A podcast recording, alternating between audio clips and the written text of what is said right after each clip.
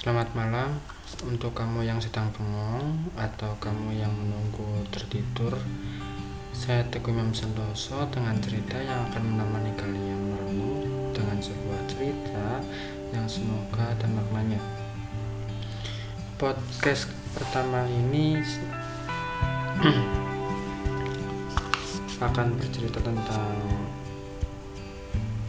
motivasi-motivasi dari buku Start Light ya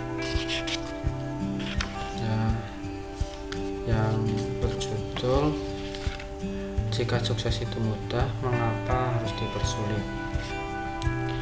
Dan sih kalian yang punya buku motivasi tetapi hanya sebagai bacaan saja memang untuk membaca buku kita memerlukan waktu yang cukup luang sehingga orang yang memiliki banyak kegiatan akan bermalas-malasan membaca buku.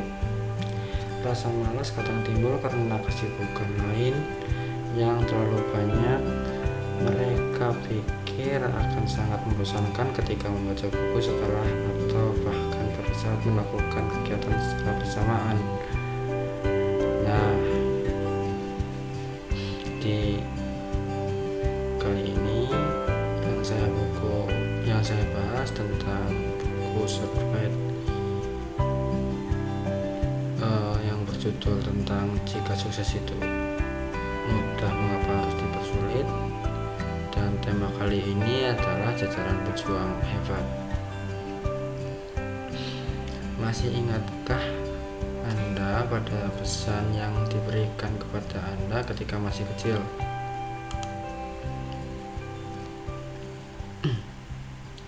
bahwa apabila ingin meraih keberhasilan dalam hidup, Anda harus bekerja keras.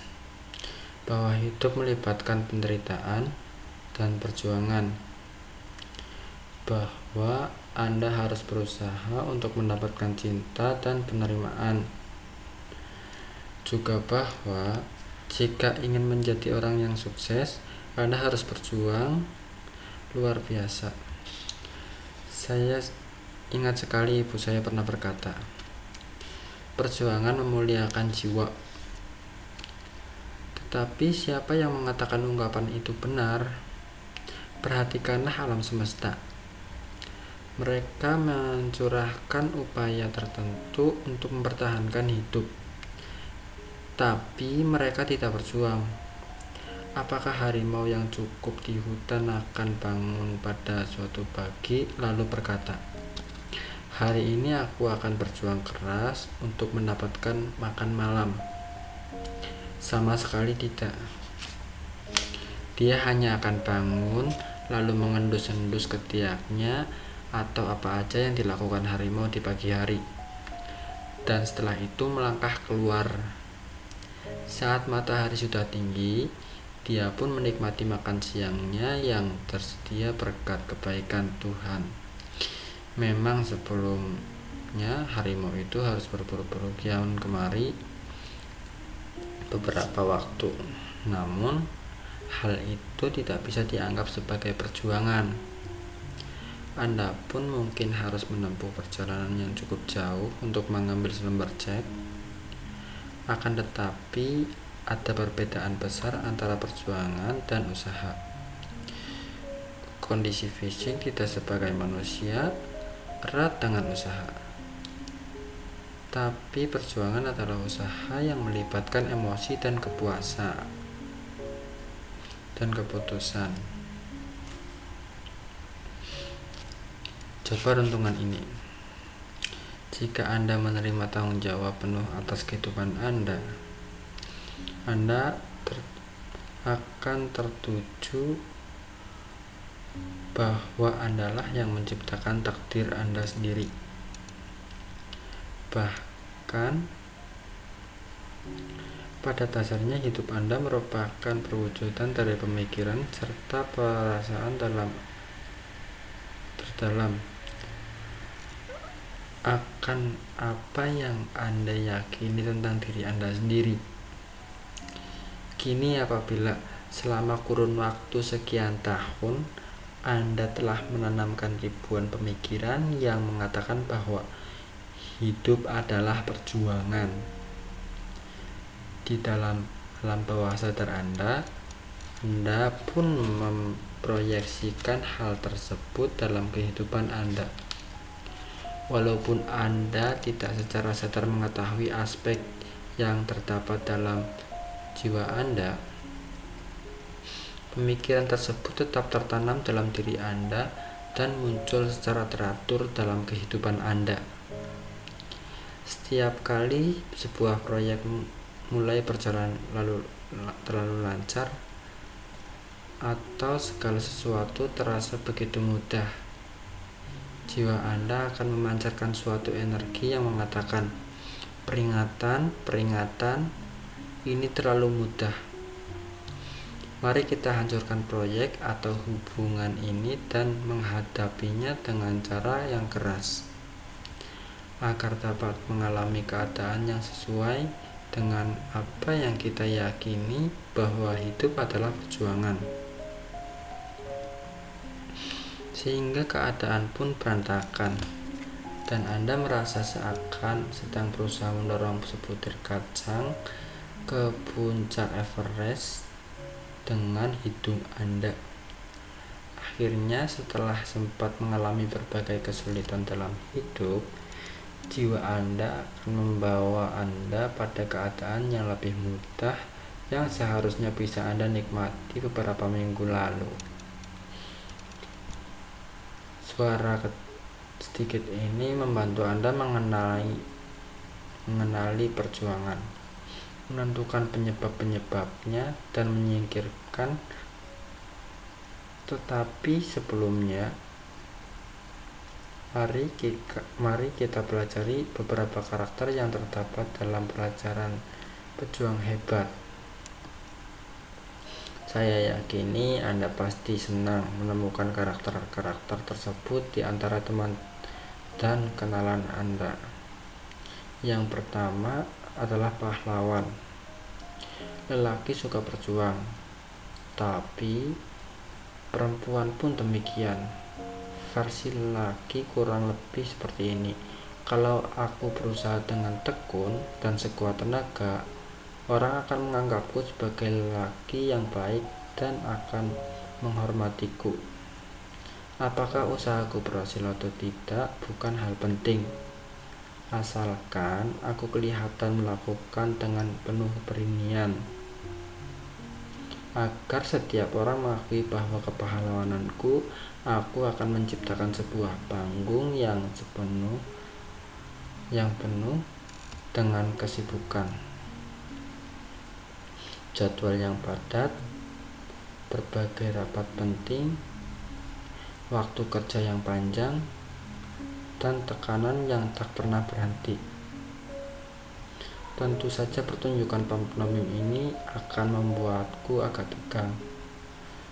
Tapi semua itu bagian dari peran karena orang lain akan melibatkan sebagai usahaku dalam memenuhi tanggung jawabku. Dan yang kedua, karakter pejuang lain eh, dijumpai teroris.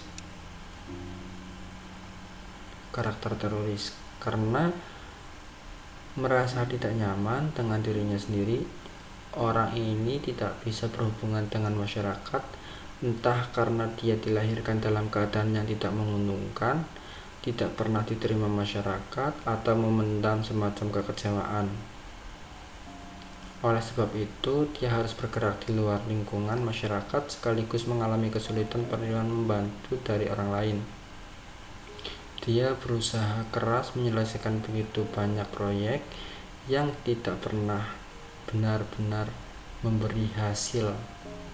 Bahkan, kalaupun dia berhasil dalam hidup berhubungan atau proyek, baginya hal tersebut lebih merupakan kemenangan palsu yang dia inginkan adalah penerimaan bukan kesuksesan. Karena itu, biasanya dia akan menghancurkan kesuksesannya lalu melanjutkan langkah untuk melakukan perjuangan lain. Apabila teroris ini mendapati dirinya dalam keadaan arus utama, misalnya mendapatkan perjuangan pekerjaan di sebuah perusahaan, dia akan mencari-cari kesalahan dengan situasi tersebut. Dia akan mencemooh lalu berusaha mengubah atau menghancurkan pekerjaannya. Biasanya, tindakan yang dilakukan akan membuat orang-orang yang berada di sekitar ketakutan sehingga cepat atau lambat dia pasti disingkirkan. Karena teroris harus melawan sistem, bukan memanfaatkannya, maka dia tidak pernah mendapatkan apa yang dia inginkan. Tidak ada seorang pun yang mendukungnya. Kalaupun dia bertemu dengan orang yang mencintai dan menerima dirinya, dia tidak akan menghargai dukungan tersebut dan justru memusatkan perhatian pada seluruh aspek bukan pengakuan yang menjadi bagian dari kehidupan. Dan karakter yang ketiga adalah pengucup profesional. Orang ini begitu lemah, sama sekali tidak memiliki kemampuan untuk memimpin hidupnya, sehingga membiarkan orang setiap orang untuk menuntut kian kemari Hal ini membuatkan kesal dan dia akan menyatakan hak-haknya dari posisi yang menuntunnya logis dan pantas. Akan tetapi perjuangannya digerakkan oleh semangat yang lemah. Jika dia memperoleh kemajuan, tidak seorang pun yang mempedulikannya.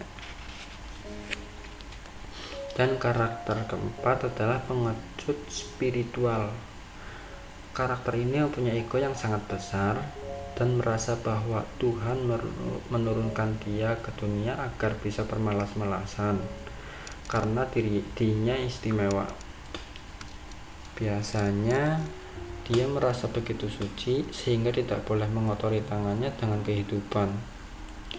Dia berharap orang lain memperlakukan dia seperti dewa dan menghormati dirinya.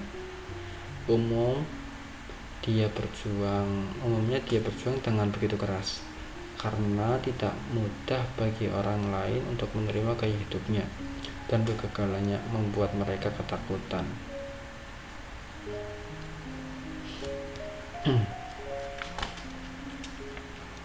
Salah satu jenis perempuan yang sering ditemui adalah Dewi. Mirip dengan lelaki, dia memainkan permainan yang disebut terimalah aku karena aku hebat. Aku benar-benar dewi dan aku kuat seperti lelaki, bahkan lebih kuat. Dalam memainkan peran pantomimnya, dia mengenakan pakaian lelaki, mengemudikan mobil berkecepatan tinggi, dan bersikap agresif. Di samping itu, dia juga maju dengan pesat mengungguli rekan lelakinya. Sebenarnya menjadi dewi bukan hal yang mudah. Anda harus bersikap anggun. Biasanya orang lain tidak akan memandang Anda sebagai dewi, sehingga Anda pun berusaha keras untuk meyakinkan mereka.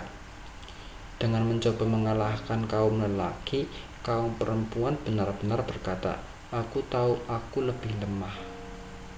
Hal ini tentu lebih benar, Secara spiritual, kebanyakan perempuan lebih kuat daripada lelaki.